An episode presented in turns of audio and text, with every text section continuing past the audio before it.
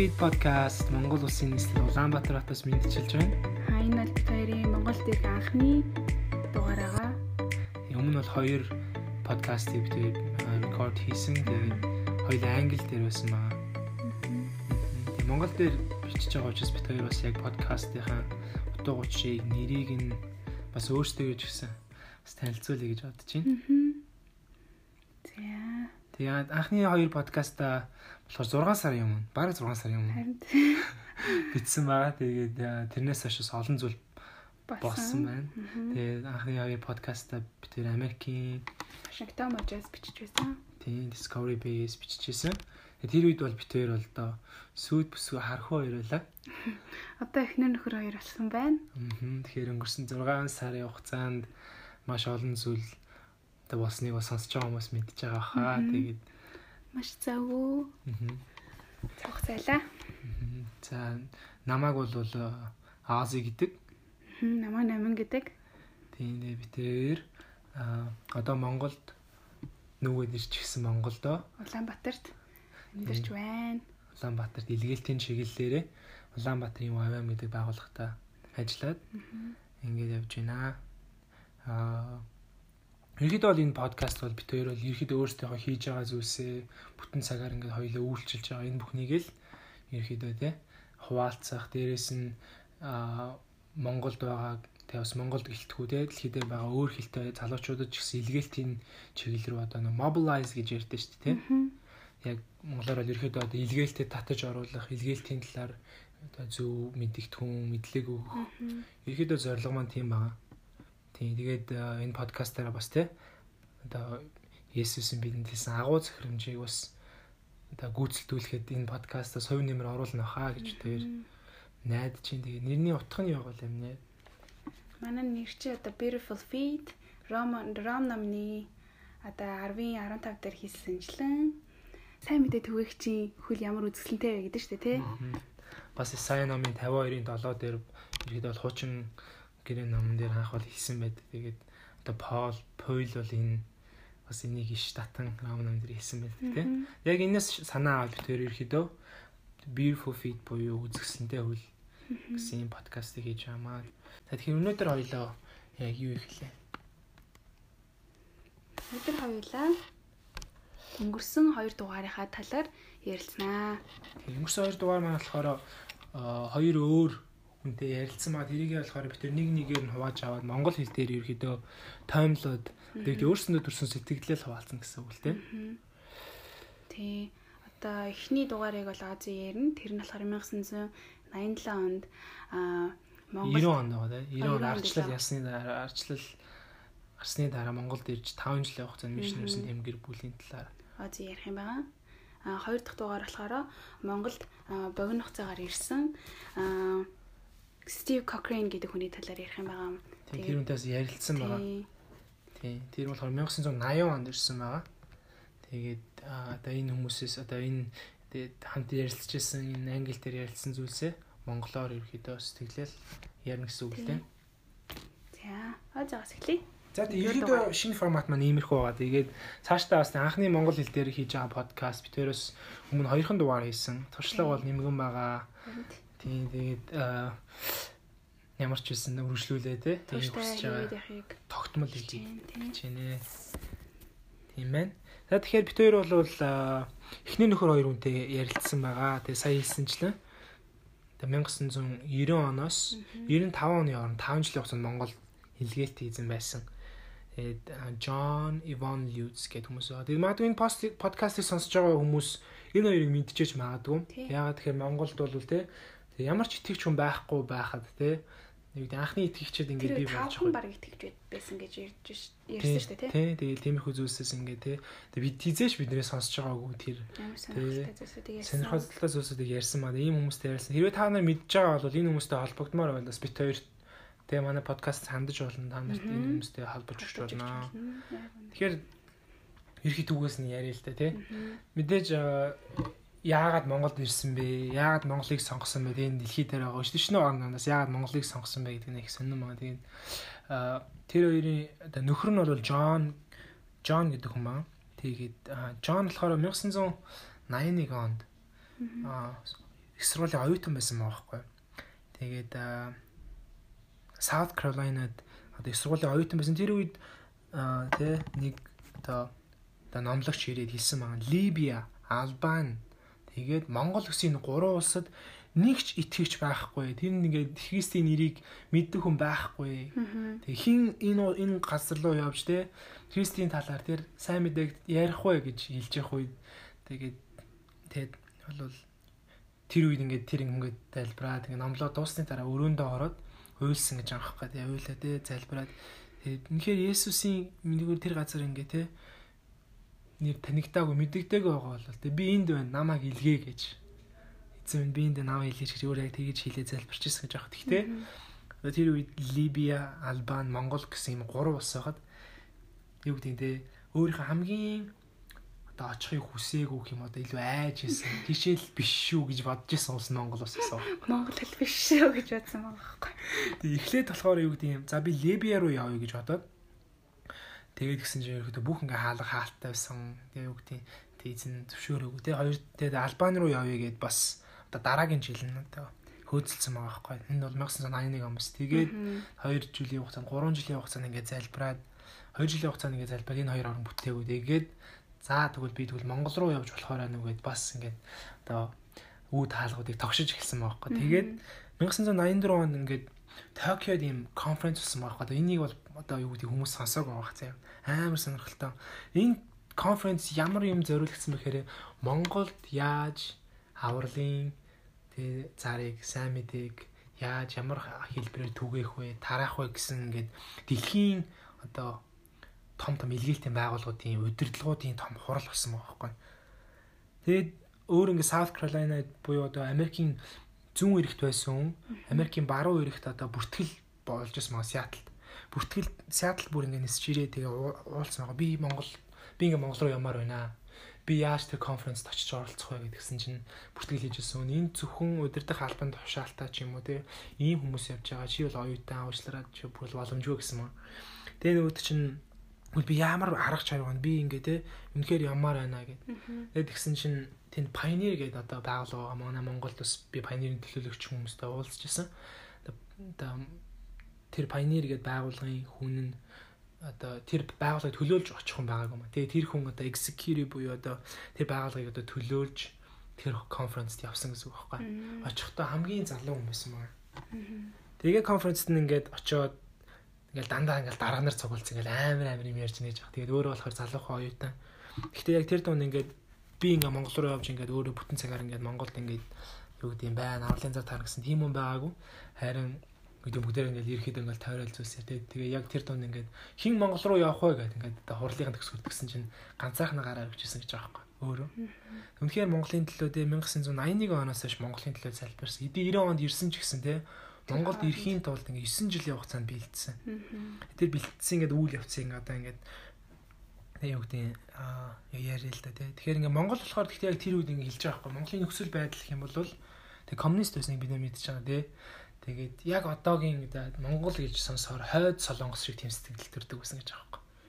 Одоо бид нар хойд солонгос гэхэл ингээл хаалттай юу болж байгаа мэдгэдэггүй нэг тийм яг тэр үед тийм сэтгэл төрж исэн заяа. Тэгээд тэр үед хурал дээр хүмүүс юу гэж хэлжсэн бэхээр Монгол болвол сайн мэдээ тараахад хамгийн хэцүү одоо лалын бус шашинтай орн бол Монгол орн юм а гэж тэр үед хэлжсэн байхгүй. Тэгэхээр манай Монгол тэр үед бол тий сайн мэдээ тахт маш хэцүү тийм орнуудын тоонд орж ирсэн маа. Тэгээд тэр хоёр тэрнээс хойш ингээд юу гэдэг Монгол руу явах ингээд үр таалгууд бүгд ингээд нэг нэгээр нээгдэжсэн байгаа байхгүй. Тэг Монгол руу ингээд эзэнтэй үр таалгуудыг нээжсэн, дуудажсэн маа. Тэг 1987 онд Монгол анх удаа ирсэн маа. Гэхдээ тэр үед ингээд ганцхан ирэх боломж байсан нь анчны визээр ирэх боломжтойсэн гэж байна. Тэгээ айгүй хөргийн нийтдээ би Монгол дээр юу агнсан бэ гэвэл би зүгээр сатаныг л агнсан. Тэгээ муу Иесусыг л агнсан байгаа гэж.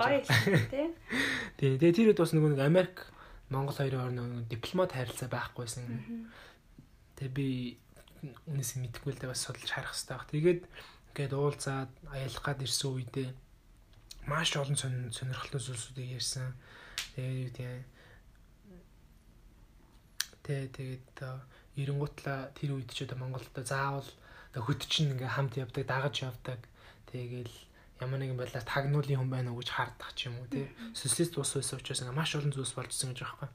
Тэгээд полчес аягүй сонирхолтой зүйлээс надад үлдсэн болохоор ингээд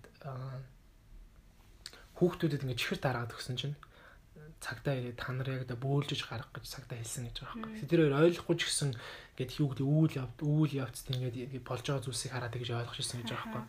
Тэг хамт тоолонгууд ингээд ирээл бойл гээл тэгдэг ч юм ууралдаг ч юм уу тий. Тий тэгээ зураг дарж болохгүй Монголд. Тий тэгээ тэд нар фриспи ингээд тоглосон юм байна л да.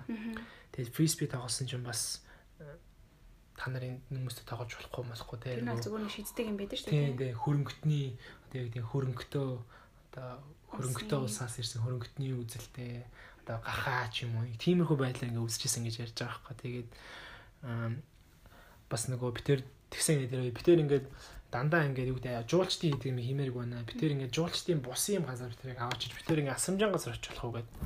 Тэгээд нөгөө хөтчөөс асуугаад хөтч нь асамжаан газар аваацсан гэж байгаа байхгүй. Гэсэн чинь маргааш насны тэр хөтч дахиж ажилдаа үү гэж байгаа юм.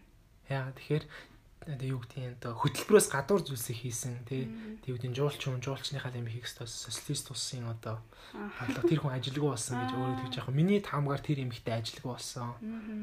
Тэгээ тэр хоёр ингээд явсаар байгаа одоо юу гэдэг Монгол битэр яаж иж болох вэ гэдэг нэг их сургуулийн хүн юм уу?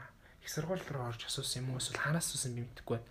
Ямар ч нэг хүнтэй уулзаад битэр яаж Монголд амьдарч болох вэ? Ямар боломж байна гэсэн чинь хоёр англиас сураа гэсэн нэ Уу юу яриад байгаа бид нар ч одоо англи хэлтэй хүмүүс юу англи хэл сур гэсэн чинь үгүй та хоёр англи хэлийг яаж заахыг сур.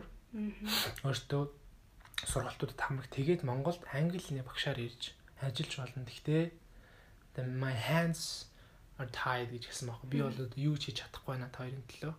Яагаад тэгэхээр тэр үедээ социалист, коммунист дэглэмтэй байсан уус. Тэгээд тэгээд тэр хоёр монголоор дайраад цаашаа Орос Орос руу яваад галт тэргээр Тэгээ тэр ясаад Унгарт очсон маа. Унгарт очингуудлаа тэр үед нэг одоо Монголд одоо нэг Библи орчуулж ирсэн Джон Гибн гоо. Аа. Залгсан байгаа хөө Герман руу. Тэгээ ингээд залгаад өөртөө Монголд ингээд зүрх сэтгэлтэй байгаа юу хийх вэ гэж бүх зүйлээ. Тэр Джон Гибнтэй юунд л уулзсан шүү. Тэр нэг Токиогийн конференц дээр Монголын төлөө. Тэр конференц дээр уулзал тэгэл тэр хоёр утсаар залгаад асуусан чинь бид тэр яаж монголчуудаа уулзах вэ? Яаж ингээ монгол хүмүүстэй холбоо тогтоох вэ гэдгсэн чинь өө та хоёр одоо юу гэдэг те зүү газар аа мэн. Унгарт Унгарт байгаа гэдэг юм. Унгарт энэ одоо монгол факультет байгаа их сургууль. Тэгээ тэнд монгол оюутнууд байгаа. Тэд нартэй танилцсан гэж байгаа юм. Тэгээ хоёлоо тэр Унгарийн тэр одоо сургуульд нь очиод англи хэлний багшаар бүртгүүлээд тэгээ шууд дээр ажилд орсон юм зэ. Тэгээд тэгсэн чинь монголчуудыг ингээд тусгаарлцдаг заяа. Социалист улсаас ирсэн учраас уулзч болохгүй. Тэр оюутнуудтай. Тэгээ ерөөд ингээд байнга бас тэр оюутнуудыг хүмүүс ингээд ажигладаг байсан гэж хэлж байгаа байхгүй ямар хүнтэй уулзж гин юу гэдэг яагаад тэгэхээр тодорхой хэмжээнд ингээд нөгөө социалист гэдэг чинь тодорхой хэмжээнд ингээд барьж штэ бүртгэл хийдэг барьдаг тий. Тэгээд тэр уулзч чадахгүй яах вэ? Ямар байдлаар одоо бид тэр монголчуудтай уулзна гэж ирчээд одоо монгол хүнтэй уулзч чадахгүй яах вэ гэд. Тэгээд байж байгаа үед ихнэр нь хоёлоо тэгвэл монгол хэлний оюутан болоод Унгарийн тэр сургуульд нь орчих л доо тийм санаа гаргаад.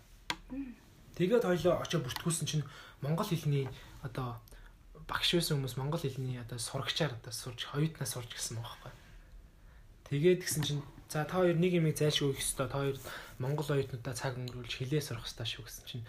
Энэ жил одоо бид нэрийг үсэж байгаа зүйл шүү дээ. Тэгээл ингээл монгол оюутнуудаа ингээл уулзаал нэг ингээл гэр бүлтэй айгүй дотноос гэж байгаа. Тэгэл монгол хүмүүстэй уулзаал монгол хүмүүсийн тий зан характер ингээл яг хэл усыг ингээл судлаад тэгээд хоёулаа уулзгаа. Тэгээд та нарын юу ингээд юу гэдэг англиар ингээд тэгээд тодорхой хэмжээнд ойлгохдаг бол бас битэрийнхийг ингээд сонсох юм бол англиар сонсохыг хүсвэл тийм манай хамгийн анхны подкастер номер 1 подкастер болсон зүйлсийг өөрсдийн хорн сонсох боломжтой. Тийм тэгээд бас манай бас өөрсдөө монгол хэлтэй Тийм. Гэтэ үед одоо ингээд монголоор яриаг үтэн жижил болж байгаа 95 оноос хойш гэдэг чинь тийм одоо Монголд ирсэн үед нь бол бит хоёрын энэ нь бол төрөөг байсан байхгүй тий.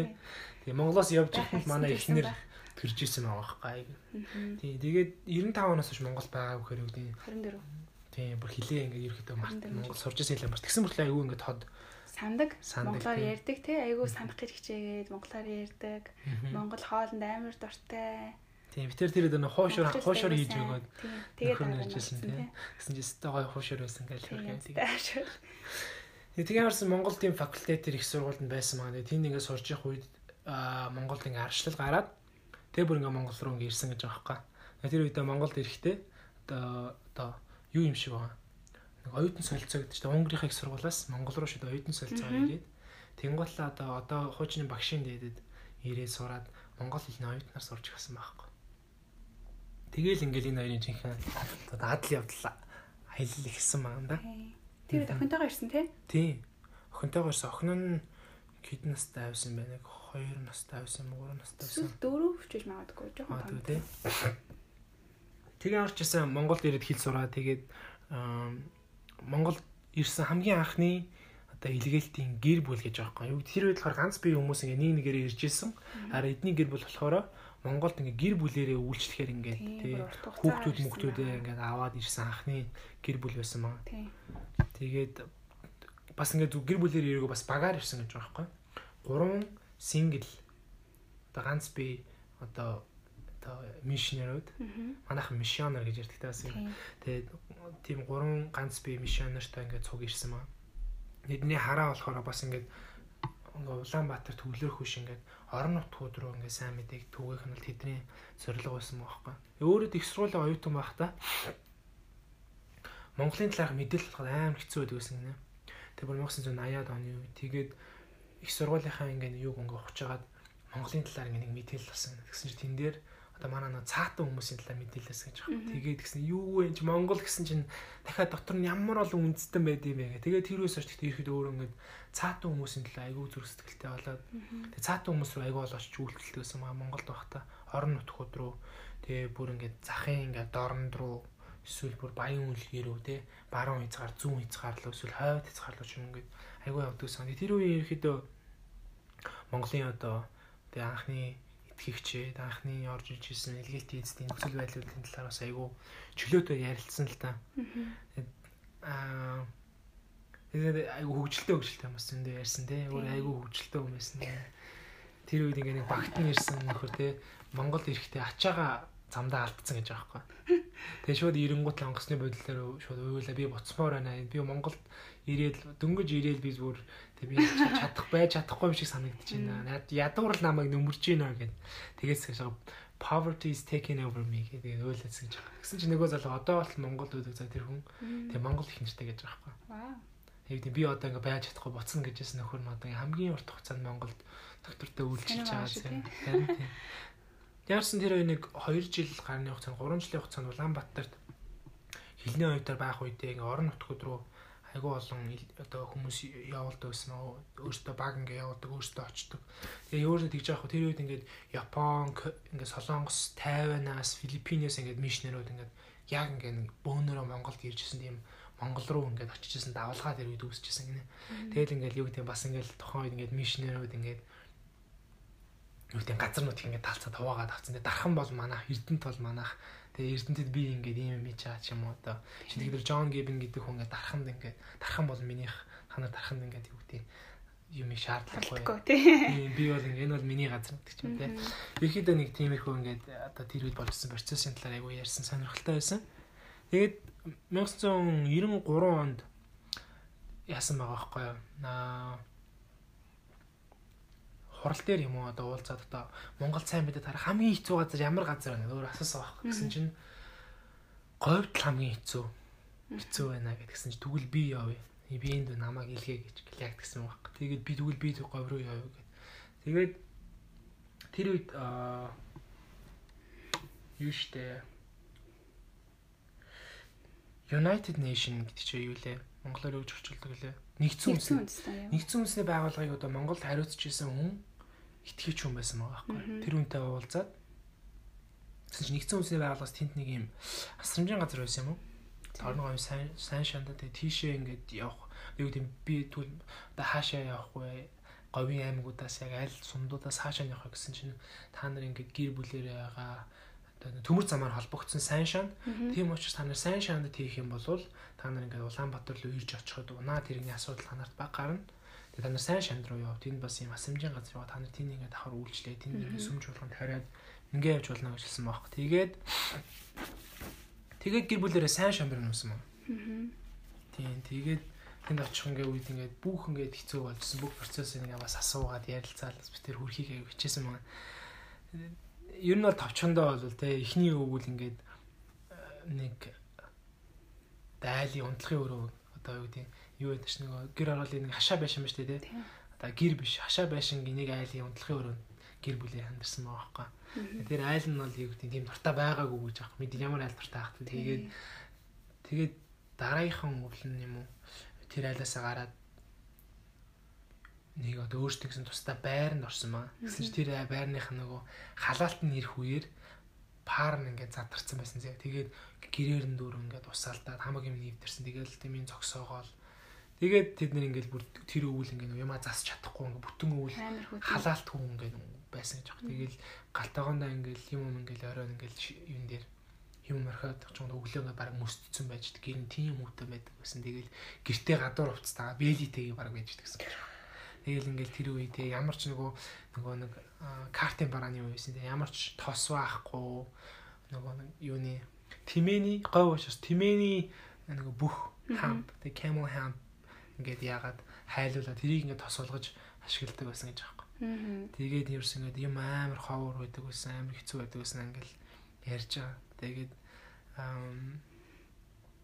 тэр үед болохоор хүүтэй болсон мага тэр хоёр Тэгээ тэгээд тэгээ одоо юу гэдэг юм Монгол төрсэн анхны Америк хөө хүү гэж байгаа байхгүй. Санин дээр гарсан байсан тий. Тий тэгээд тэр ихсэн ахaltaа. Тэгээ тэр хоёр тэгээд яг гэдэг сайн сайн шанад байхдаа хүүн төрсөн тэгээд хүүгээ бас нөгөө тухайн үеийн засаг даргаасаа та манай хүүг нэрлж өгөөч гэж асуусан байгаа байхгүй. Тэгээ хүүд нь говийн хүү гэдэг нэр өгсөн тий. Говийн хүү гэдэг нэртэй Америк одоо залуу одоо Монгол мэдлжээ гэх. Монгол мэдлж. Тийм одоо юу байгаа сонин дээр тийм нийтлэл байгаа байхгүй. Бэ мөхцөс авчирч бүр харуулсан тий аюу. Бэ мөхцөцэг хүний гэдэг хүний битсэн юм нийтлэл байгаа. Энийг уншаад гэхдээ ерөөхдөө ингээд аа энэ хоёртой ярилцсан ярилцлага ярилцлага маань ерөөхдөө өндөрлж юм. Тэгээд энийг ямарсан юм монголоор өгье гэж бодож байна. За эхнээс нь ингээд гарчихсан яваа. Монголд мэндэлсэн говийн Америк хүү. Хаа газрын хүмүүсийн дотор хайр илгийн хэрнээ халуун дотны хүмүүс бас байх юм аа. Америкийн нэгдсэн улсын иргэн Монгол туслах олон улсын мэрэгчлэнүүд байгуулгын ажилтан Джон түүний эхнэр Вони Лютес нарыг Дорногов аймгийн аймгийнхан ялангуяа сайн сандийнхан бол бүрч хандахгүй. Тэд охин хүү хоёртой. Том охин нь гэрэл цэцэг гэдэг монгол нэртэй. Аав ээж охин гуруулаад их хэлээр маань чөлөөтэй ярина. Энэ оны 3 дугаар сарын 18-ны өглөө 9 цаг 20 минутанд Шведийн иргэн их баригч Мари Викторсны хариуцлагатай хүндхэн үүрэг эрүүл чирэг хүүгийн час хийх дуунаар өндөрлөв. Ийхүү анх удаагийн Яра хүүгийн инхри дуу хүн болохоо тунхаглан говийн тэнгэрт хадлаа. Дорногоо аймгийн засаг дарга гээ одон чимэггуан хайрлсан говийн хүү гэдэг нэрээр нутгийн хүмүүс аав ээжийнх нь найз нөхдөж дуудана. Монгол мэндэлсэн говийн хүү. Харин энэ бяцхан амтан төрснөөсөө хойш 3 сарын турш агаараар нь амьсгалж усаар нь ундалж яваа хэдийж говь төрсөн гიშгэлгийг нь авах тийм ч хэлбэр биш байгаа ажээ. Ийм нэртэй мэдээ ямарсан сонинд гарсан. Тий. Сонингийн дээтрэрийг одоо л ингээд аюу гоёор ингээд хатгалаад аавдсан. Нэмдэг нэ хатгалсан тий. Тий. Тэгээд ингээд ямарсан хүн төрсөн маа. Ерөөхдөө товчроо ингээд Монголоос нөө буцсан талаар нь ярьчээ. Болсон буцхоосон шалтгаан нь бас нэг талаараа олон асуудлууд гарсан байгууллага дотор одоо юу гэдэг үйл ойлголтууд гарсан байгаа. Тэгээд Гэтэ бас өөрөө нэг талаараа те хэлжсэн санаа Монголд байгаа ингээд хүмүүс ингээд юу гэдэг Монгол хүмүүс өөрсдөө сүмж болон өөрсдөө өөрийн зүйлээ ингээд юу гэдэг удирдах явах цаг нь болсон байсан. Илгээлтээс бид нэг ингээд урт хугацаанд ингээд Монгол байх шаардлагагүй. Хэрвээ урт хугацаанд байх юм бол тэг юу гэдэг дараагийн гарч ирэх та нөгөө удирдлага удирдахчийг ингээд хаах ч юм уу те бид нэр ингээд явснаар дараагийн үеийн удирдах авч явах монголчууд ингээд төрчихсэн ч юм уу тийг хэлж байгаа байхгүй. Тэгээд аа Монголд анх ирэхэд нь бол эхнэр нь бол мэдээж тийм дуртай байгаагүй. Тэг өөрхий эхнэрээ би чирсээр байгаа, гуйсаар байгаад Монголд авчирсан гэж байгаа байхгүй. Тэг хоёулаа бүр Монголд өмнөхөр чин сэтгэлээсээ хайрлаа, дурлаа. Тэгээд эргээ боцох болсон чинь эхнэр нь буцахгүйгээд тэгээ бүр эхнэрээ дахиад чирж гуйж тэг буцаад Монголоос авч гарсан байхгүй. Тэгээд айгүй хөөрхөн Тэгээ тэр үед ингээд юу ийдсэн талаар ярьж байгаа. Сайн шандад ингээд сүм чуулган тарьжсэн талаар ярьж байгаа. Тэр үед тэгээ тэр хүмүүсийн хүмүүс бас тэгээ ямар хөө байдлаар хавтчихсэн тэр зүйлс ингээд аяг олон зүйлс хуваалцсан маа. Бүгдийн гэхдээ энд ингээд багтаах хэцүү яг. Тэгэхээр хоёр подкаст бид тэр нийлүүлж байгаа учраас тий. Тэгээд ямар ч үсэн тэгээ одоо нэг гэр бүл нөгөө монгол хэл ингээд нөгөө ганцаарчилж нэг заажсан багш байсан маа. Тэр багшаа гэр бүл нь очиж ингээд хичээл заадаг байсан маа. Тэгсэн чинь тэр нь ингээд бүр сүулт ингээд сайн мэдээ хүлээж авсан байгаа байхгүй. Тэгээд тэгээ Япон ихчтэй өөрөө сайн мэдээ ингээд хуваалцсан. Тэгээд тэр тэгээ нөгөө заажаас өмнө өөрөө ингээд те Иесусыг хүлээж аваад амьдрал нь өөрчлөгдөөд гэр бүл нь тэр жигтэй итгэж болоод хүүн одоо өөрөө хүүн пастораар одоо ажилладаг гэж байгаа байхгүй. Хүүн пастор болсон. Тэгээ юу гэдэг энэ хоёрын ингээд нөлөө таахын аргагүй. Бид нэр ингээд бодохоор ингээд бас ингээд мишнүүдийн ажлыгтай ингээд нэг ингээл хүнд хүрэх гэж хичнээн цаг хугацаа зарцуулдаг ингээл юу гэдэг зарим хүмүүс ойлгодог. Гэхдээ нэг хүнд хүрэхэд тэр хүн цаашаа хідэн хүний амьдралыг өөрчлөхийг тэг бид нарт мэдэхгүй те. Тэг энэ хоёрын хийсэн зүйл Монголд үзүүлсэн нөлөөг нь бит хоёр хинч тааж хэлж мэдэхгүй зөвхөн бурхан л мэдж байгаа. Тэгээд зөвхөн тэг хизэн мэдж байгаа. Тэгээд тэгээд та бүхэн шөө илүү дэлэнгүү сонсох хүсвэл яг өөрсдийнх нь ярьж байгаа амар сонирхолтой тий. Тий. Энэ жоохон бас жоо урт подкаст подкаст болсон цаг 20 минут тий. Айгу олон түүхийг агуулсан болохоор бас. Бид хоёроос бас цаашдаа подкастуудаа ингээд богино авч явахыг хүсэж байгаа. Энэ удаагийн подкаст аль үжих юм бас нэлээд урт явцсан явж байгаа. Ямар ч үсэн оюун гэрэл гэдэг нэг тийм эмэгтэй юу гэдэг ингээд сайн мэдээ тараасан маа. Тэр хүн ингээд цаашаа таарсан сумын үргэлжлүүл аваа явсан маа. Тэгээд нэг ганцхан түүх яриад ингээд дуусгая. Тэгээд тэр хоёр ингээд Монголоос ингээд явсныхаа дараа бүр хожим Вашингтон ДС-д нэг найз дээр очсон байхгүй Ивоникч.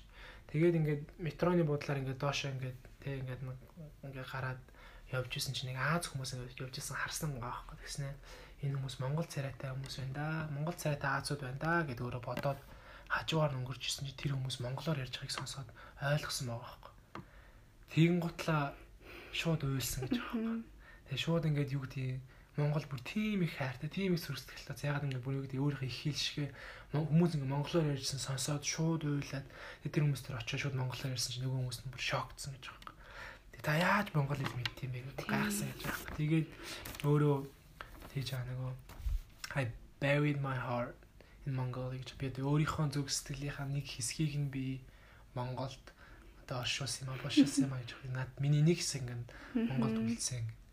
Яг тийм тэгэл ийм хүмүүс ингээ тэ амьдралаа тэ золиос гаргаж одоо ингээ сайн мэдээг авчирхаар бурхны тэ үннийг Монголд тунхаглахаар ингээд ирсэн учраас тэ ингээд өнөөдөр би тэ жишээ тэ тэр ингээд тэр хүмүүсийн үр жимсээр энэ сууж байгаа би мэдэхгүй тэ ийм хүмүүсийн үр жимсээр бид нэр бурхны сайн мэдээ ингээд олд сонссон шүү. Тэгээд бүгд бид нар ч гэсэн одоо ийм хүмүүстэй байх боломжтой. Бурхны талаар одоо л сонсоогүй улс үндэстнүүд байгаа. Бид нар ч гэсэн өөх зөөрөг байгаадыг сонсоод маш их одоо доогдолж байгаа. Тэгээд битэрс нэг тогтсон хэдэн асуултууд ингээд нөгөө нэг ярилцлаган дээр ингээд тавьж явахыг хүсэж байгаа. Тэгээд нэг тавьсан асуулт нь тогтмол тавьж байгаа асуулт нь зөвхөн ерөөхдөө мишнер ахын хамгийн сайн дом даваа тал юу юм бэ? Тий, тий. Би нөхрийн хайруултыг нь хэлье. Тэгээд минийхийг дуусгах юм жаа хаварт болчлоо. Нөхөр нь тэгэж хэлсэн мишнер байхын илгээлтизм байх хамгийн давуу тал нь чи юу гэдэг та тэгж байхгүй? Бурхны зүрхнийхэн химнэлийг нь чи ойроос сонсно гэж байхгүй. Санаа нь бол тэ юу гэдэг илгээлт хийснээр ажиллаж явах үедээ чи бурхантай ойр байдаг. Тийм. Тэ түүний ажлыг тэ ариун сүнсээр дамжуулж мэддэг. Тэ тэр ингээ өгнө надаас айгүй гоё санагдчихсан байна. Тийм амар сэтгэл хөдлөсөн подкаст байсан. Тэгэхэд амар олон жилийн өмнө басан ч гэсэндээ одоо хүртэл монголчуудын төлөө залбирсаар байдаг тий. Тэгээд тэгээд төгсөхдөө бол тэгээд ямар ч үеуд те ингээ сайн мэдээг ингээ бүх үндэстэнд тарааж дуусаагүй маа. Харин хүн болгоны чих болгон Христийн талаар сонсох үед тэг Христ ирэх болно гэж Библиэр байдаг те.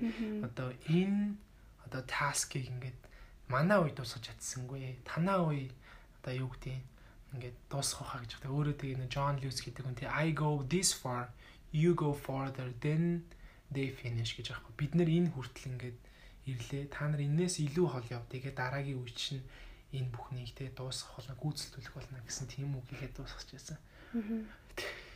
Одоо бол ингээ ярихад бол ингээ аягүй гоо шинээрээ ингээ тогтолж чинь гоё байна. Тийм. За амны яар. За маань нэмэн хоёр дахь ярилцлага ингээ Тийм би айгу товчхихыг хичээнэ. Тийм одоо би болохоор Стив Cochrane гээд 40 жил гоёмтай ажилласан хүн байгаа. Стив Cochrane. Cochrane. Тийм яг бид хоёр энэ хүнтэй болохоор миний хувьд бол яг энэ хүнтэй сая энэ зураг удирдлагын семинарын үеэр танилцсан байгаа. Манай удирдлагын багт байсан. Тэгээд Ози бол өмнө танилцчихсан тий. Тийм. Тий айгу мундаг хүн байдаг айгу урам зориг авдаг. Тэг бид нарт хичээл орсон байгаа. Тэгээ энэ хүн болохоор 21 настайдаа Монгол руу илгээгдсэн байдаг. 7 настайдаа Иесусыг хүлээж авсан. А тэгээд итгэгч гэр бүлд өссөн. 12 настайдаа өөрийнхөө одоо пастрыг хараад пастор болох юмсан гэж аяг хүссэн. Яг ерөөдөө яг тухайн үед одоо өөрийнх нь мөрөөдлнээс юм шиг байгаа. Тэгээд нэг айгуу сонирхолтой түүхийг нь би зүгээр хуваалцъя гэж бодсон. Хүүхэд байхдаа ингээл хүүхэд өөдөө асуудаг шүү дээ тий. Яг тэгээ өөдөө сууж байхдаа ширээн дээр нэг байсан жижигхэн глобус буюу дэлхийн бөмбөрцгийг хараад ингээд шүсээ нулимдаг гинэ тийшээгээ. Тэгээд онсон газрыг нь хуруугаараа зааж агаад би энэ газар руу очино гэж боддог гинэ. Тэгээд 15 настайдаа библ сургуульд хамрагдаж байхдаа 12 Воёмын багтай хамт 17 17-тоо илгээлтэр илгээлтэр явж байсан юм байна л да. А тэгээ тэр үед л би пастор биш илгээлтийн эзэн болно гэдэгтээ итгэсэн гэж байгаа байхгүй юу. Зүгээр яг илгээлтэр явж явах үедээ дуудлага олсон гэж байгаа байхгүй юу. Жинхэнэ дуудлага. Өмнө нь л мөрөөдлөөсөн бол а тэгээд Тэрний үлээ олимпийн тоглолт билүү? Тийм байсан тий. Тийм. Канадын Монтреалд болсон 76 оны олимп байсан. 76 оныхоо тий. Би оныг нь мартчихэж. Тий. Тийм тэгээд аа хамгийн анхны Vivan Basic энэ итгэгт нээж исэн байгаа үсгсэн. Тарьсан тий. Тийм тарьсан гэж хэлдэг. 23 таад нь эзэн түүнийг Колкада Колкада хот гэж Тий. лөө. Калкада. Тийм нэтгэг рүү одоо дуудсан байгаа. Тэгээ дуудлага авч гэр бүл гэр бүлээ гэр бүлд одоо хийсэн юм байна л да. Тэр үед ганц байсан. Тэгээд тэдэнд гэрийнхэнд наав ээжд нь ялангуяа хүлэн зөвшөөрөхөд маш хэцүү. А тэгээ түүнээс хойш гэр бүлийнхэнтэйгээ дөрвөн жилийн турш уулзаагүй гэдэг байгаа хгүй одоо тэр илгээлтэр явснаас хойш тэгээ тухайн аа холбоо харилцаа хөгжөөгүй байсан учраас ерөөсөө ямар ч холбоогүй байсан гэж хэлж болохоор л юм. Тий. Тийм тэгэл аа дөрвөн жилийн дараа одоо илгээлтээс буцаад очиход гэр ээж нь ингээ хөгшөрч гисэн. Баг зэрэг хөгшөрч гисэн. Тэгээд одоо нэг ахтайгаа игчтэйгээ ингээ зогсож исэн гэж яах вэ? Ээж нь одоо дүүт тань гэсэн шүү дээ. Ээж нь хүүхдүүдтэй гэсэн. Тэгсэн чинь ээж нь ингээд хүүгээ хараа танихгүй байсан гэж байгаа байхгүй? Тэр үед өөрт нь амар хэцүү. Яа тэгэхээр нөө илгээлтэй амар турсан байсан. Тийм, тураад Тэгээ нэг монголоор нүднээс гарна гэж яг тий. үн. Тэгэхээр бүр танихдахын арга болсон Хөрсөн ээж байгаа. нанхын арга айгүй өөрчлөгдсөн байсан гэсэн. Тэгэл ер нь бол илгээлтийн тий зүүнний амьдрал болол тий. Бас бас хэцүү хатан үеуд олон гэхдээ тий. Тийм. Тийм ч гэсэн бас тий, жаргалтай гараал гэсэн үе юм шиг байгаа. Тийм тийм 1980 онд Москвагаас ирхүү а тэгээ юу Улаанбаатар руу ирсэн байгаа. Тийм тэгээд 2-7 хоногийн хугацаатай Монгол руу бага авч илгээгдэхээр товлсон байсан байна л да. Өөрөө одоо анх удаа бага удирдах авч явсан тэр үед ч одоо 21 21 настайдаа залуу хүү байгаа хгүй Тэгээ 1980 он байсан тий. Тий. Тэгээ нөгөө инэтиг минетиг явахаас өмнө гэсэн үг тий. Тэгжсэн байна. Үгүй юм уу дараа нь юм уу? Дараа нь юм уу? Өмнө гэсэн үг. Өмнө тий. Тэгээ энэтхийг тачих чи 23 настай байсан учраас Аа зөв зөв. Тийм тэгээ бага ингээ анх удаа өдөрдөж авч явж байгаа. Тэгэл яа ингээ товлсон хугацаа байсан. Тэгээ тэр хугацаа нүрэхэд ингээ санхүүн бүрдээгүй байсан учраас ингээ баг өдөрдөж явж байгаа үний үед л тэгээ амар хэцүү шттэ тий. Эхний удаа яасан гэлээ тэрэд цуслагдсан гэсэн тий. Тийм цуслагдсан. Тийм тэгээд яг хоёр дахь удаага бас ингээ яах гад. Тэгтээ ерөөдөө эзэн дуусан гэдэг мэдж байгаа учраас ямар ч сан ингээ итгэлийн алхам хийх гээд явсан байгаа байхгүй юу. Тэгээд эйрпорт дээр одоо онгоцны бодол дээр очисон чинь санхүүн ялгааг бас бүрдээгүүлсэн байгаа байхгүй юу. Тэгэл тэгтээ онгоцны бодол дээр ингээд ямар гайхалтай зүйлсүүд болж байгаагаа ингээ ярьсан. Тэгээд Эсний гайхамшиг үү. Тийм. Тэгээ гайхалтай. яа ингээд виза хүлээгээд онгоцны бодол дээр байж хахад зөвөр нэг уулцсан хүн нь одоо хоолны мөнгө өгөх ч юм уу те баг- багаар нь ингээд хоол нь хоол нь зарцуулах мөнгөний өгсөн байгаа. Тэгээд яг тиймэрхүү байдлаар ингээд яг жижиг шижиг ч юм уу те баг багаар эзэн ингээд туслаад яваадсан байгаа байхгүй те. Тий яг дуудсан л бол. Гэтэ Монгол руу явсан нөгөө шалтгаан нь болохоор бас Японтой холбогдсон гэс те. Япон хүн яасан гэлээ. Ингээ би ингээ Монголын тэр ингээ зайсан талгаа гэж байгаа.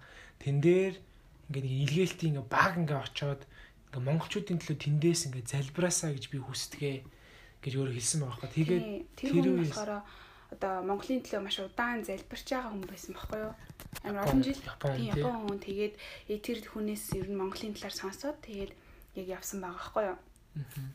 Тэгээд тэгэл тэр хүн тэр хүний ингээд санал болгосон зүйл болохоор Монгол руу явж байгаа багаар явж байгаа юм чинь заавал хийх нэг зүйл байна. Тэр болохоор зайсан таалгаа гэж газар байгаа. Тэн дээр очиод Есүс бол эзэн гэж тунхаглах ёстой шүү. Энийг заавал хийгээрэй гэж хэлсэн. Тэгээд тэг яг тэрнийхэн дагуу тэрэнд нь амар их тийм урамшсан гэх юм уу те. Баахан залуу хүүхдээс 20 той 18 19 төв баахан. Өөрөө тэндээ ахлаа явж байна гэдэг чинь ерхэд бол тэр дундаа Ахмад мэдчихэж чадах.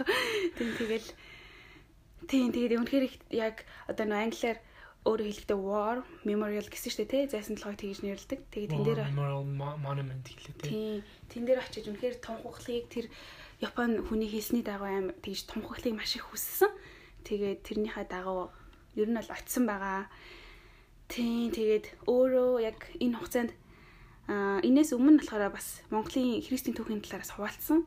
Тэр нь болохоор Монголын христийн түүх 5 дугаар зуунд эхэлсэн тухайн үеийг ихэнх өв аваг ястнууд христийн болж байсан Чингис хаанаас ч өмнө гэж байгаа байхгүй юу?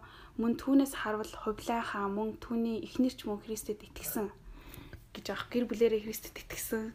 Аа тийм. Тэгээд энийг нөгөө ярьсан шалтгаан болохоор өөрөө нөгөө Азийн христтгэлийн түүх гэдэг ингээ юу гэдэг хоёр юм цуврал ном бичсэн. Одоо түүхийн талаар өөрөө нэлээд сонирхдаг учраас Монголын христтгэлийн түүхийн талаар бид нар бас нэг бахан ярилцсан тий. Тэгээ нэг одоо энэ энэ сэр орохоос өмнө тэр нэг зайсан дээр гарч залбирдаг хэсэгтэр миний нэг санаад байгаа юм байхгүй. Ерөөсө мартагдахгүй лагаад үлдсэн. Тэрний үхэ нэг тэд нэр тэр үед нөгөө ирэхээр заавшгүй хөдөж авч таардаг. Монголд яа социалист байсан ямар нэгэн мэдээллийн хөдөжийн хараа хяналтанд ор одоо гадныхан явах хэвээр тий. Тэгээ хаасаагүй явсан газар дагаж гэсэн жоох бараг л 0 орохт нагаж явдаг тийм. Тэгээ тэд нэр ингээд нөгөө зайсан руу гараад ингээд ингээд залбирч мэлбраад ингээд одоо юу гэдэг нөгөө зайсан дээр гараад Есүс бол эзэн гэдгийг тунхаглаарай гэдэг тунхаглана хэрэг. Чангаар чангаар тунхаглаж одоо орилын гэжтэй тийшээ шууд утгаар. Тэгэх юм бол нөгөө хүн сонсно тэгээд яах юм бол гэж тэрэд жоох айгаал. Ямарсан зайсан дээр очиж оцсон чинь доор нөгөө хүн би дэше алхмаар гоноо чи нэлийн өндөр би доор хүлээж та нар өөрсдөө гараад ирсэн гэх.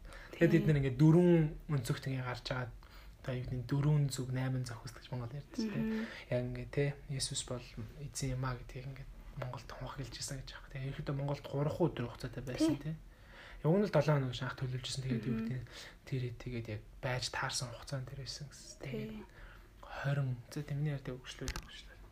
Тийм. Яг тэр тухаас би дахиад ярина. Түрүүний яг түүхийн талаар ярьжсэн шиг Монголын тэр христийн түүхийг бидрээс илүү ингээ аягүй сайн мэддэг бүр аягүй их судалсан байгаа хгүй. Ингээ надад тэрийг ярьж өгнө аягүй сонирхолтой санагдсан ингээ түрүүн хувлаа хаан а мөн их нэртэйгээ Христэд итгэсэн тухай ярьжсэн шүү дээ тий. А тэгээд мөн дөрвөн хаадыг өсгсөн сорготон хатанч мөн хүчтэй итгэж эмхтэй байсныг түүхнээс харж байна гэдэм байлаа. Тэгээд Христ итгэлийг Европын, Америкийн итгэл гэж хүмүүс үздэг шүү дээ. Ерөөдөө манайхан бол гадны итгэл гэж үздэг. Энэ бол гадаад шашин, гадны шашин дээ. Тэгж боддог шүү дээ. Тийм. Тэгсэн чи яг үнэндээ бүр 1-р зуунд ч гэсэндээ энэ итгэхт Христэд итгэх итгэл одоо анх дэлгэрч байсан гэж байгаа байхгүй юу. Тэгээ манад ч гэсэндээ яг бүр 13 дугаар зүүн зууны үед бол яг 5 дугаар зуун шиг хэлжсэн тий. 5 дугаар зуун. Тэгээ тэрнээс хойшлоод 13 тэгээ тэрнээс хойш ч гэсэндээ ер нь байсан л байгаа байхгүй юу? Тий бид нэр өөрсдөө сайн мэддэггүй л болохоос ш. Тий зүгээр социализмын үед л ингээд юу гэдэг одоо шишингүй үзэл хэлгээл ингээд хүмүүсийг тий олон одоо одоо буддын шашны сүм дуганы ингээд нураагаад тиймэрхүү зүйл болж исэн учраас л хэсэг хаагдсанаас биш Монгол дандаа энэ ингээд мэдээж байгаагүй тий. Тий. Тэгээ өөрөө яг тийм нөө түүхэн чиглэлийн хүү учраас айгүй их Монголын Христ сэтгэлийн түүхийг айгүй сайн судалдаг юм билэ. Бид нарт яг тухайн семинарын үеэр ер нь түүхийн талаар их орсон, Wyoming түүхийн талаараас дэлгэрэнгүй орж исэн байгаа. Тийм тэгээд бас түрүүний бидний бит хоёрын нөгөө байн асуудаг асуулт маань ингээд энэ хүнээс асуусан байгаа. Итлгээлтийн эзэн байхын хамгийн сайхан зүйл юу вэ таны хувьд гэж асуусан чинь а тэр бол хүмүүсийг таньж мэдэх а тэдэн тэдэн донд амьдрах гэж хэлсэн байгаа. Маш энгийн хариулт. Тэгтээ надад маш гоё санагдсан яг минийдсэн яг дуртай зүйл бол тэр байгаа. Тэгээд аа хоёр хүүхдээ тэр хүн одоо дөрөв хүүхэдтэй лөө Хоёр л охинтой сан. Хоёр хүүхэдтэй л аа. Тийм, хоёр хүүхдээ яасан юм наа? Илгээлтийн талбарт буюу нийтгэгт өсгсөн гэдэг. Тэгээ нэг нь болохоор Хавайд илгээлтийн эзэн тэ тийм Вайамда үйлчлээ явж байгаа. Мишонер тэ. Аа. А нөгөө охин нь болохоор Холливуудын одоо жүжигчин хүн байлээ. Тэгээд ингээ гэр бүлээрээ үйлчлээ явж байгааг гайхалтай санагдсан. Аа илгээлтийн эзэн байж одоо эзэнд үйлчилж явах нь бурхнаас өгсөн асар том баяр хөөр юм аа гэж өөрөө хэлсэн байгаа. Тэгэхээр айгүй өөрөө ингэж үйлчилж явахдаа маш баяр хөөртэй тэгээд айгүй тийм цог залбаатай тий. Өөр амар хөвгөлтэй хүн тий. Яг өөрийнх нь бас ярьсан ярилцлагын сонсоод үзээрэй. Айгүй сонирхолтой би бүр ингээл ваа гэл тэгсээр агаал таарсан. Тэгээд хамгийн сүүлд өөрөө подкастныхаа төгсгөлд хэлэхдээ эх онд буюу 2020 онд 40 жилийн дараах Монгол дахь одоо илгээлтээ дахиж хийхийг хүсэж гин гэж хэлсэн. Тийм тэгээ зайсан толгой дээрээс дахиад эзэн та бол Есүс та бол эзэн юм. А мөн Монголын бас бид бүгдийн эзэн юм гэдгийг чам чангаар тунхаглахыг маш их хүсэж гин гэж хэлсэн. 40 жилийн 40 жилийн дараа тэгээд үнэхээр яг тэр Монгол байсан хугацаанд 3хан өдөр штэ.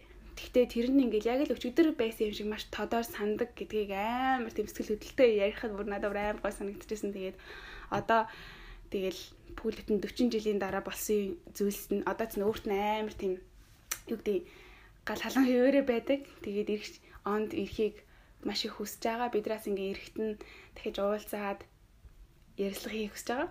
Хоёр дахь удаага Монголд ирэхэд ямар байгаа. Тэгээд маш их хүсэж байгаа учраас өөрт нь айгуугаа байгаа хаа. Одоо энэ тал тараас их залбирж байгаа юм билээ. Тийм тэгээд ерөөхдөө бол ийм тэгээд яг би бас бүгдийнээс яхийг хүсээгүй. Ингээд товчхон яриа. Тэгээ та хэд өргөжлүүлээд өөрсдөө сонсоорой. Хоёр дахь удаагийн подкастээс болохоор тэр жоохон туршлагатай. Тэгээд бас богино хийсэн маа. Яллах бас сонсогчтой залхаан тэгээ амар урт подкаст хийгээс тэр сүсэхгүй байна. Бас амар хөгжилтэй нэг юм болох нь манай подкастын нэр болохоор The Beautiful Feed буюу одоо үзэгсэнтэй хөл гэж ярьж байгаа шүү дээ. Тэгээ ингээдлээ те өөрөө айгу инээтэй. Яг та нэг миний хөлийг харах юм бол би чинь миний хөл чинь айгу ер нь бол айгу муухай хөлтэй шүү дээ. Ер нь бол үзэсгэлэнтэй хөл гэж хинч хэлэхгүй. Яг инээтэй те. Гэхдээ миний сүнслэг хөлийг ингээ харах юм бол те эзэн тосолсон дэлхийд хаасайгүй явж эзний сайн мэт ингээ тарааж байгаа гэл яг нөгөө би тэрийн гол зорилгыг хэлжсэн. За тэг ямарч ихний монгол хэл дээрх подкаст ингээд өндөрлөе да. Өндөрлөе. Би ямарчсан Ром номын 10 дугаар бүлгээс уншия гэж бодлоо. Тэгээд одоо би тэрийн нэртэй холбогдлоо гэсэн үг тийм. Ингэж хэлсэн. Учир нь эзний нэрийг дууддаг бүхэн аврагдах болно. Тэгвэл түүнд итгээгүй тэд яаж түүнийг дуудах вэ? Түүнийг сонсоогүй тэд яаж түүнд итгэх вэ? Тэд тунхаглагчгүйгээр яаж сонсох вэ? Илгээгдэхээс нааш тэд яаж тунхаглах вэ? Сайн мэдээг тунхаглагчдын хөл юутай сайхан гэж бичигдсэн байдгаа гэж. Юутай сайхан бэ гэсэн байгаа ш. Аа тийм. Тэгээ за ингээд одоо сайхан хөлтэй хүмүүсийн подкаст ингээд өндөрлөө. Өндөрлж जैन тэгээд олон сайхан хөлтэй хүмүүс би болох болтугай. Эзний авралын сайн мэдийг дэлхий таяр тараадаг Монгол залуучууд бий болохын төлөө би тэрс. Амен. Тэ энийгээ бас бяцхан хувь нэмэр болох болов уу гэж найдаж байна. Өөрчлөлт тогтвортой хийгийг хичээнэ. Тийм тэгээд тийм энийг сонсож байгаа тэгээ ирээдүйд сонсох бүх хүмүүст баярлалаа. Маш их баярлалаа. Бидний хамтаараа beautiful pain. Тийм. Баярлалаа. За бүгд баярлалаа. Их 7 хоногт range буюу зөөлөн